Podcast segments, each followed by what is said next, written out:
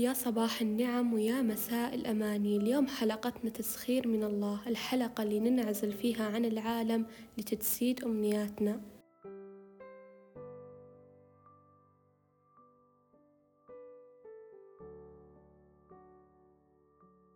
ليش نحتاج قانون الجذب في حياتنا؟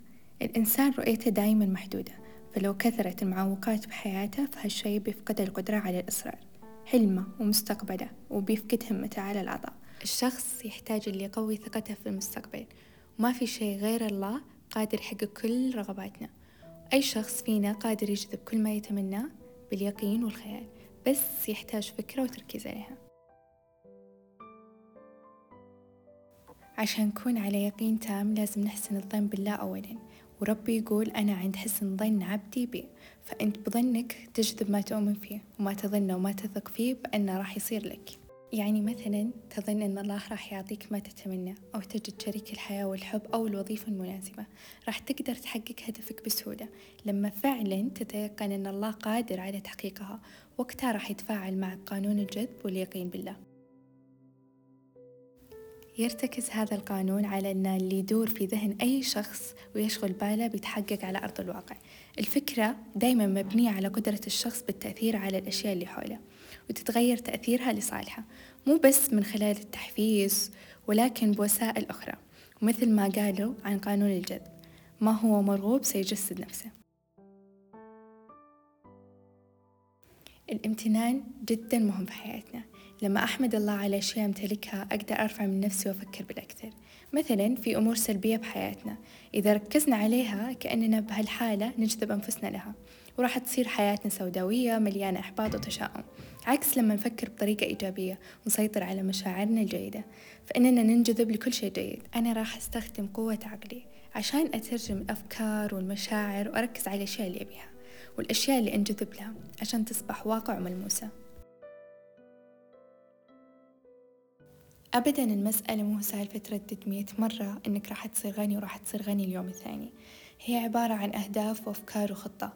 عندي خمس خطوات مهمة اللي هي اليقين والخيال والتركيز والسعي والمراقبة. قانون الجذب يعتمد على النية مع الله أولا ومن ثم أغير المواقف والنوايا وأرسخ أفكاري عشان أنجذب لها. وطلق النية مهم جدا في قانون الجذب. يوميا لو تتخيل شيء بدماغك بشكل متكرر راح يحصل اللي تبيه وكل الأشياء اللي أنت وصلت لها بحياتك سواء كانت جيدة أو سيئة فهي نتيجة أفكارك وتردداتك. لازم يكون عندك تفكير مستمر بكل اللي تبيه بالتفاصيل. لازم كل شوي تذكر نفسك بالشيء اللي تبيه. اكتبها وحطها قدامك حتى لو على أوراق في جدران غرفتك وتكتب فيها مبتغاك أو تخليها خلفية جوالك. المهم أنك لازم تذكر نفسك فيها. هالشي يعطينا الثقة والطموح أكثر حتى نظرتك بالحياة بتتغير لأنك واثق أنه ممكن بيوم بيحقق فيه مبتغاك.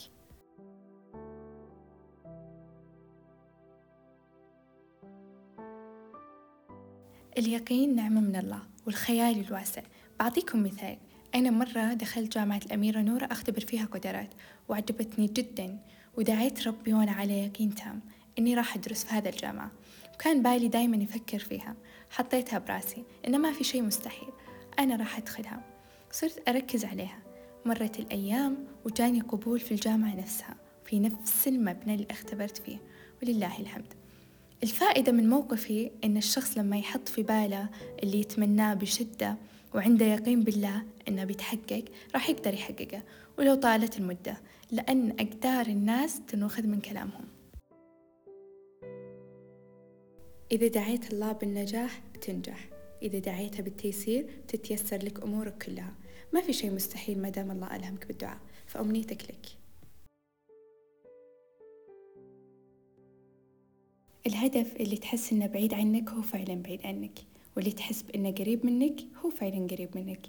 قانون الجذب يجذب لك الكثير من الموجود بداخلك من معتقدات وإيمان ومشاعر وأفكار سواء كنت تواعي لها أو لا.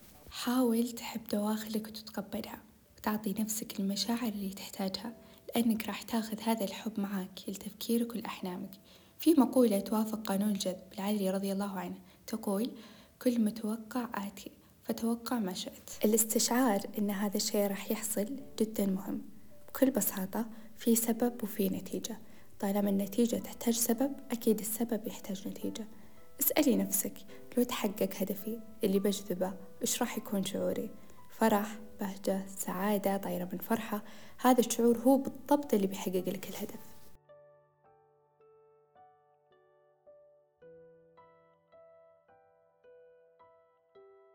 النتيجة هي مشاعرك بعد ما حققتي الهدف. فرحتك هذه عيشيها كل يوم بدون ملل. هذه النتيجة اللي بتخليك على تردد معين وراح تجذب لك الهدف اللي هو السبب. والتزمي بالنتيجة عشان يتحقق الهدف. وأهم شيء لو كان عندك معتقدات سيئة عن اللي بتجذبينه من الآن أختصر لك وأقول لك للأسف ما راح يصير. أو بيصير ولكن بطريقة سلبية. لو جذبتي وظيفة وبنظرك إن الوظيفة تعب فالوظيفة ما راح تجيك.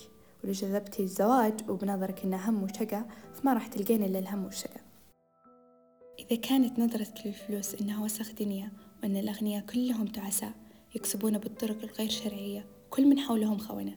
إذا هذه نظرتك فعلا للمال والأغنياء تتوقع بيوم من أيام عقلك اللاواعي بيسمح لك بجذب المال؟ طبعا لا. نهاية الحلقة لا تنغرسون بالأشياء السلبية. تمنوا تمنوا تمنوا ولا تيأسون. اليقين والخيال نعمة من الله. فتفائلوا بالخير تجدوه.